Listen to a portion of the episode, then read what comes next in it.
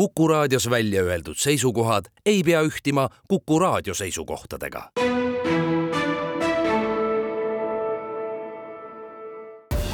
Tartu linnasaade. tere tänased kolm esimest intervjuud on salvestatud Tartu kaks tuhat kakskümmend neli kaljapeole ehk räägivad sellest, mida ülikool teeb Euroopa kultuuripealinnaks saamise nimel nii siin kui ka välismaal ja neljas usutlus Tartu õpetajate sügisfoorumil, kus oli kõneks ka vaimne tervis ning heaolu Eesti inimarengu aruande taustal. intervjuud on teinud Madis Ligi. Kuldar Leis, Tartu kaks tuhat kakskümmend neli on nüüd Kaljapeoga siin oma sponsorit esitlenud, kuid kindlasti sellega toetajate otsimine lõpeb. jaa, kindlasti tuleb, aga meil oli, oligi selline tahe, et, et me kõigepealt otsiks sellised suuremad ja ja, ja sellised toetajad, kes kataksid hästi laia valdkonda ja kellest oleks nagu kogu, äh, kogu selle piirkonnale palju kasu. ja noh, vaieldamatult A Le Coqi tootevalik on nii lai, et, et neist on väga palju, äh, väga palju abi meile. aga tõesti, teisi suuremaid tuleb ka, äh, üsna pea loodame avalikustada eks ja toetus tule ka läbi erinevate ürituste, mis kuuluvad Tartu kaks tuhat kakskümmend neli programmi terves Lõuna-Eestis ja kui vaadata kas või seda suve, sellega tõmmatakse ka tähelepanu, et teie sild Tartu kaks tuhat kakskümmend neli on ühel teisel pool ja puhul väljas jah, ma arvan küll, et me oleme Tartus väga hästi väljas ja, ja tõesti tartlastele enam ei pea seletama, et, et järgmisel aastal on Euroopa kultuuripealinn äh, siinkandis. aga, aga Lõuna-Eestis on palju veel tööd teha, et nähtavust parandada ja, ja loomulikult veel rohkem Tallinnas, sest et äh, see on nagu järgmine, järgmine samm ja, ja siis nendes sihtriikides ka, kust me sihime külastajaid. aga mis on nagu veel nagu rõõm just erasektori toetajate poolt, on see, et, et äh, väga palju on just selliseid toetajaid, kellel on, on see süda ja hing on nagu Lõuna-Eestis või ja siin Tartus, et, et nad on siin kaua aega olnud, nad, nad toetavad läbi aastate juba kohalikku elu, nii et, et sellises, sellistega ongi rõõm koostööd teha. no siinsamas Raekoja platsis on National Geographicu see aken, mis on traditsiooniliselt olnud kollane, nüüd on aga ta teie tunnusvärvi roosat ja käisin siin üks päev mööda, kui Itaalia turistid massi massiliselt tegi temaga pilti. lühidalt see tõmbas väga tähelepanu. Ja nii ongi täpselt, et see, mis äh, mõnele võib tunduda imelik, siis, äh, siis tegelikult äh, kõige paremini näitab millegi headust nagu võõra pilk. ja kui, kui piltlikult turistid on rahul ja, ja, ja see on näha, et kus nad tahavad pilti teha, kus nad tahavad rääkida omavahel, et järelikult need kohad töötavad ja tõesti see roosa, roosa aken, see on, see on praegu nagu sama hästi vastu võetud nagu mõni aasta tagasi see punane maamärk, mis meil Raekoja platsi tuli. Ja mis, mis samuti võib-olla alguses tundus, tundus selline imelik, aga täna on absoluutne nagu linnaosa. No Tartu kaks tuhat kakskümmend neli meeskond äh, oli ise ka turist, kui võib öelda, käisite just Riias. nii et tuleb ka lähimaades ikkagi käia, et selgitavat sõna jagada ja kutseid äh, kuulda anda jah, Riia on meil number üks äh, sihtturg ja tõesti, lätlasi ju käib juba viimastel aastatel väga-väga palju siin. Äh, eks meil on selleks ka oma, oma tõmbenumbrid Tartus ja Lõuna-Eestis olemas, nii et äh, Riia on meile tähtis ja, ja meil on väga hea koostöö Riia linnaga, kes oli siis kümme aastat tagasi kultuuripealinn, nii et, et see üritus, mis me seal tegime oma, oma Põmaki tantsuetsendusega ja Ahhaa keskusega koostöös, see läks väga hästi. Ja võib-olla huvitav ongi vaadata erinevat publikut, et kui, kui Riias oli niimoodi, et, et nii nagu meie selline, selline üritus pihta hakkas ja tants pihta hakkas, siis rahvas kohe tõmbus äh, sinna juurde, nad kohe uudistasid ninapidi juurde ja sellised noh, nagu elevus tekkis. siis Eestis ollakse tavaliselt tagasihoidlikumad, ehk siis kui, kui hakkab kuskil mingi, mingi show pihta, siis ega rahvas nagu kohe, kohe käima ei lähe. nii et äh, lätlaste kiituseks tuleb öelda, et, et olete sellised lõunanaabrid, kes ongi emotsionaalsemad ja, ja neid on, neid on nagu parem, parem köita kuidas aga lähevad teie sisulise poole ettevalmistused, et Tartu väärilised saaks siis olla kultuuripealinn Euroopas kaks tuhat kakskümmend neli, mis teil praegu pooleli on? meil on äh, põhiprogramm on paigas, äh, on üle kolmesaja sündmuse, äh, kogu projekt, kogu programmi avalikustamine toimub siis üheksateistkümnendal oktoobril aparaaditehases ja selle, selle ümbruses, nii et siis saab, saavad kõik nendest projektidest teada. meil on mõned suuremad üritused veel sellised, mida me otsime, millega oleme läbirääkimistes, nii et kogu programm ei saa ka päris lõpuni paika oktoobriks, aga, aga noh, ütleme nii, et enamjaolt on kõik nagu paigas ja, ja see on väga suur ettevalmistustöö, nii et ühtepidi võib tunduda, et kui on kõik otsustatud, et see on kõik tehtud, aga tegelikult ju need projektid alles on arengujärgus ja, ja kõik peavad oma, oma, oma sündmusi nagu lõpuni arendama. Aga eesmärk on tõesti see, et, et oleks kogu aasta kaetud, et ei oleks ainult suvi ja et oleks kõigile üritusi, et me ise naerame, et nagu hällist hauani oleks kaetud ja, ja kogu aasta jaanuarist detsembrini. Ja avalöök on siis kahekümne kuuendal jaanuaril. Jaa, et äh, just saime päev tagasi valmis äh, oma niisugused äh, kutsekaardid avaüritusele siis kahekümne kuuendaks jaanuariks, tuleb väga vägev show, siis noh, mis võiks paremat olla, kui välitingimustes jaanuaris pidu pidada ja see on siis tasuta üritus kogu Tartule ja, ja ümbruskonnale, nii et tuleb vägev show.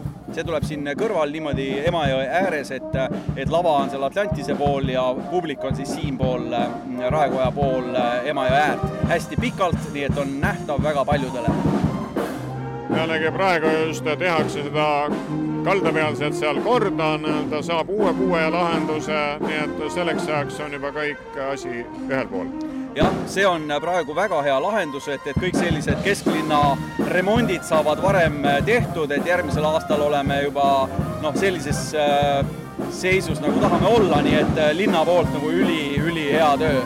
et ja, ja praegugi vaadata Raekoja hoonet, et siis siis on äh, näha lihtsalt meie suur äh, plagu, et, et kutsub, äh, kutsub avapeole, aga see on ka jälle selle, selle nimel, et, et linn saaks enne minimaalsete vahenditega, aga ilusaks. järgmine usutletav on A Le Coq'i turundusjuht Katrin Vernik.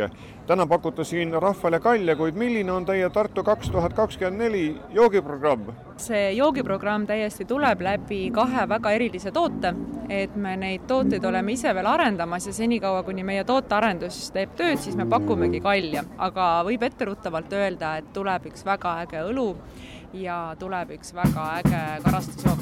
me soovime neid tutvustada esmalt koos programmiga juba oktoobrikuus, aga turule võib-olla jaanuari alguses. linnapea Urmas Klaas kirjutas järjekordse kutse välja, mis siis kutsub inimesi osalema Tartu kaks tuhat kakskümmend neli avapeol kahekümne kuuendal jaanuaril. inimesed tahavad saada ikkagi Meeri käest seda isiklikku kutset oma käega kirjutatud minu käes on väga ilusad äh, postkaardid, kus on peal kõik Tartu sümbolehitused ja all on kiri, et kohtume kahekümne kuuendal jaanuaril Tartus. see tähendab siis äh, kultuuripealinna avapidustusel siinsamas kesklinnas. aga inimesed on tõesti soovinud siia ka minu autogrammi ja ma olen lisaks kirjutanud ikkagi, et oleks ikka asi kindel ja kutse kehtiks siis et tõepoolest, et hea Tõnu või, või Monika, ootame sind Pittu kahekümne kuuendal jaanuaril ja see on äh, suur sündmus, see on äh, suur pidu. Tartu on koos üheksateistkümne Lõuna-Eesti omavalitsusega Euroopa kultuuripealinna aastal kaks tuhat kakskümmend neli. see on Eesti kõigi aegade kõige suurem omavalitsuste vaheline reaalselt töötav koostööprojekt, et me üheskoos kultuuripealinna üsna keerulist, aga ma usun, tulemuslikku koormat veame. ja kahekümne kuuendal jaanuaril on siia oodata loomulikult meie inimesed, aga ka palju külalisi varasematest kultuuripealinnadest ja ka tulevastest kultuuripealinnadest, loomulikult äh, kõrgeid külalisi Brüsselist, palju kultuurirahvast ja on ju nõnda, et äh, aasta ringi on kultuuripealinna sündmused Tartus ja Lõuna-Eestis toimumas ja nad tegelikult juba on ju ka alanud. Me olime laupäeval Riias. Riia on Tartu sõpruslinn ja tähistas laupäeval oma kaheksaja kahekümne teist sünnipäeva ja kultuuripealinn koos koostööpartneritega, Ahhaa teaduskeskusega oli Riia Raekoja platsil ja oli väga meeleolukas kultuuriüritus, kus me kutsusime Riia rahvast Tartusse jagati kaheksasada kakskümmend kaks jäätist ja siin praegu meie hea koostööpartner, kellega on ka koostööleping sõlmitud, A Le Coq jagab praegu rahvale A Le Coq'i kalja. nii et eh, eks see on ka sümboolne. aga tõepoolest sellised üritused toimuvad ja, ja nende sisu on selles, et, et järgmise aasta kahekümne kuuenda jaanuari avaüritus kõigi teadvusse viia ja tore on see, et inimesed elavad kaasa, siin muretsete, ei tea, kas suudlevate tudengite kuju saab selleks ajaks valmis ja kui tahetakse ikkagi linnapea käest seda kutset saada. lühidalt, see Euroopa kultuuripealinn kui selline oma üritustega läheb rahvale korda. ta läheb väga korda ja Tartu kaks tuhat kakskümmend neli maamärk, mis on juba ju pikalt olnud Raekoja platsil, on jätkuvalt ülipopulaarne, selle juures tehakse pilte, praegu me näeme, kui me seda intervjuud teeme, kui palju on lapsi ümber selle jooksmas, ronimas, tehakse pilte ja selle ürituste kalendri vastu on väga suur huvi. Ja inimesed elavad väga kaasa ka sellele, et Tartu linn saaks kultuuriväline aastaks veelgi ilusamaks, nii et tõesti nii mõnigi küsib, et kas ikka Raekoja ees suudlatudengite skulptuur ja purskkaev saab valmis selleks ajaks, saab valmis selleks ajaks. selleks ajaks saab valmis südalinnas Emajõe kalda promenaad Kaarsilla ja, ja Rahusilla vahelisel alal Raekoja puue näo ja palju-palju teisigi olulisi objekte Tartu linnas. Tartu linnasaade Tartu Õpetajate Sügisfoorumil oli üheks ettekandjaks ka Tartu Ülikooli kaasprofessor Dagmar Kutsar, kes rääkis vaimsest tervisest viimase inimarengu raporti taustal mis on see positiivne, mis sellega välja tuli? ilmnenud on see, mida me teadsime tegelikult enne seda aruannetki, et Eesti ühiskond on ikkagi väga hästi arenenud, me olemegi kõrge elustandardiga maa ja sellest tulenevalt on meil ka omad nõudmised sellele ühiskonnale. Ma rääkisin natukene õpikeskkonnast, koolikeskkonnast ja lastest, kuhu see rahvusvaheline mõõde kõik küllalt palju maandub, on tegelikult, mida ma aeg-ajalt nimetan lapsepõlve rahvusvahelistumiseks, kus äh, vanemad äh, ongi pärit erinevalt maalt kas nad siis elavad siin või mingit aega mujal või siis võib-olla nende see suhe ei õnnestu ja, ja peale seda siis rahvusvaheliste vanemate rahvusvaheline laps hakkab siis pendeldama nende vahel. et, et see on niisugune üks uh, uus nähtus, sest et lastel on õigus mõlemale vanemale ja mõlemal vanemal on õigus hoida kontakti oma lapsega ja, ja temaga tegeleda. millised on aga need kõige suuremad probleemid, mis on välja tulnud? Äh, välja on tulnud see, et äh, vaimse tervise hinnangud, no enesehinnangud ikkagi äh, ajas kahanevad, lähevad kehvemaks, vaimne tervis läheb kehvemaks, et üks asi on see, mida me teame, kui juba diagnoos on pandud. aga see statistika on hoopiski nii-öelda kõhnem kui see, mis me näeme seda, kui palju on kurvameelseid, kui palju on depressiivseid, kui palju on ärevaid, erinevates vanusegruppides nii et kannatavad nii lapsed äh, kui ka lapsevanemad? jaa, ja ka vanavanemad ja ka töökaaslased. see on nagu viimase aja heaolu käsitlus, et äh, ja ka vaimse tervise käsitlus, et me suhtleme erinevates keskkondades, me loome ise suhteid, me oleme ise osapooled ja asjatoimetajad, kuidasmoodi meie heaolu välja näeb, kuidas me teise suhtes käitume, kuivõrd väärikalt, kuivõrd äh, teist austavalt või vastupidi. ja, ja siit tulebki nüüd küsimus, et aga et mille pärast me mõnikord ei ole austavad ega väärtustavad.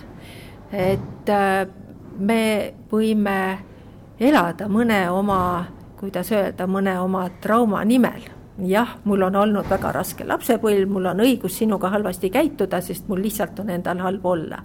ja sellega ei loo sa endale heaolu, vaid sellega sa lood iseendale ka pahaolu pigem jah, et äh, keeruline praegu on see selle uue käsitluse järgi, et tegelikult see, mis toimub ühes keskkonnas, suhtekeskkonnas, näiteks kodus, selle me ju kanname oma tööpõllule, selle me kanname kooli ja need lähevad nagu nende teistes elukeskkondades nende suhete mustrite osaks proua kaasprofessor, kui te olite oma ettekande ära pidanud, milliseid küsimusi Tartu õpetajad teile esitasid? Üks küsimus, mis mul praegu meenub, pani mind väga mõtlema. see oli nimelt äh, see, et äh, andmete järgi heaolu hinnangud, kui rahul sa oma eluga oled või kui õnnelik sa oled või kui hästi sa ennast tunned, kahanevad vanuse kasvades ja saavutavad oma, ütleme, oma madalseisu kusagil kaheksandas klassis. Ehk siis keskastmes, keskastme lõpupoole.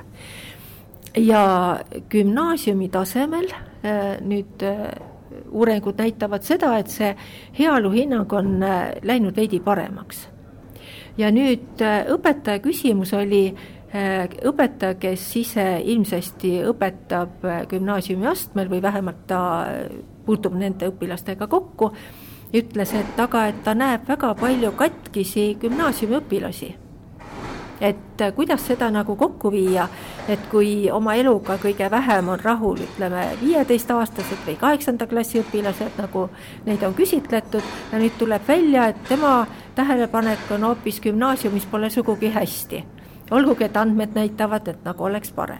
ja, ja minu vastus oli see, et tegelikult ega siis äh, ükski, ükski nähtus ei avaldu ju kohe, vaid ta on esialgu varjatud ja eriti, kui lapse ja noore puhul, kui tal ei ole seda usalduskanalit kellegagi, kellele ta saaks kurta, mis tema elus talle muret valmistab, kui ta ei saa usaldada oma muresid, kui ta on üksi või kui teda ei mõisteta. kui erinevates kohtades, kus ta suhtleb, ta kogeb halbu kogemusi ja need kõik kuidagi nagu lähevad ühte kuhja et siis see tasapisi, see kuidagi õõnestab seda äh, vaimset tervist. Ja olgugi, et äh, gümnaasiumi astmel need äh, noored on väga rahul sellega, et nad on gümnaasiumisse sisse saanud, mis on iseenesest väga suur saavutus, mitte kõik ei saa, ka mitte kõik väga head õpilased ei saa, siis nad tulevad selle koormaga juba keskastmest mitte ainult keskastmest, mõned tulevad juba koolieelsest perioodist, olenevalt sellest, mis kodus toimub näiteks. Kui oma suvised vestlused ja kohtumised, arutelud kokku võtta, siis ühtepidi tõdevad lapsevanemad ja vanavanemad seda, et äh, noored on läinud järjest teadlikumaks, aga ka tundlikumaks. Ning samas öeldakse, et võib-olla me poputame liialt üle, need eri põlvkonnad elavad kuidagi eri liine pidi, ei klapi hästi kas äh, selle inimarengu uurimise pealt äh, võib äh, ka sellist konstateeringut välja tuua või see on nagu liiga terav? noh, eks see, see on ju ajast aega nii olnud, et vanasti oli taevas sinisem ja rohi rohelisem, et ega siis seda põlvkondlikku lõhet kuidagiviisi ei kaota. ja no kui me praegu räägime kas lumehelbekestest või tundlikumatest lastest, siis see on lihtsalt selle aja märk kuidas me seda sama kõrgemat ja sinisemat taevast või rohelist rohtu kirjeldame või mida me märkame. aga kuna elu on läinud keerulisemaks, perekonnad on äh, mitmekesistunud, ma mõtlen struktuuri mõttes, kus vanemad elavad eraldi ja, ja lastel on kas kohustus või vajadus liikuda mõlema vanema vahet ja ja kuidas seda logistikat sättida, kuidas vanemad omavahel läbi saavad. vanematel samamoodi, mida nad võtavad kodust kaasa oma pingetest või, või oma rõõmudest oma töö juurde. see inimarengu aruanne näitas, et parem on, kui sa oled ikkagi teiste inimestega seotud, kui sa tuled kodunt välja, et sa oled tööl, et sa oled, püsid tööhõives aga ka äh, töökeskkonnad on muutunud oluliselt keerulisemaks, oluliselt mitmekesisemaks. võib töötada erinevatest kohtadest ja kuidas siis need töösuhteid luuakse, kuidas siis äh, töökaaslastelt tuge saada ja nii edasi, et see, see elu ise on läinud nii keerulisemaks, oluliselt keerulisemaks ja ja see ilmsesti küll äh, kajastub või peegeldub ka lastes see, kuidasmoodi täiskasvanud ise hakkama saavad. Aga oluline on, et kõik pooled äh, oleksid negatiivsetest asjadest jagusaamiseks äh, rohkem positiivsed ja suhtuksid teistesse mõistvamalt jah, et nad oskaksid näha nagu selle halva kõrval head ka ikka, sest medalil kipub olema, et on kaks külge. kallid kuulajad, see oli ülevaade sellest, mida teeb Tartu kui Euroopa kultuuripealinn aastal kaks tuhat kakskümmend neli nii Eestis kui naabrite pool. selgitusi jagasid tegevjuht Kuldar Leis, A Le Coqi turundusjuht Katrin Vernik ning Tartu linnapea Urmas Klaas vaimsest tervisest ja heaolust Eesti inimarengu aruande põhjal rääkis Tartu õpetajate sügisfoorumil ülikooli kaasprofessor Dagmar Kutsar, kes tegi räägitust ka kuulajate jaoks kokkuvõtte. saate pani kokku Madis Ligi. aitäh kuulamast, olge terved ning elage Tartule ja tema üritustele kaasa. Tartu linnasaade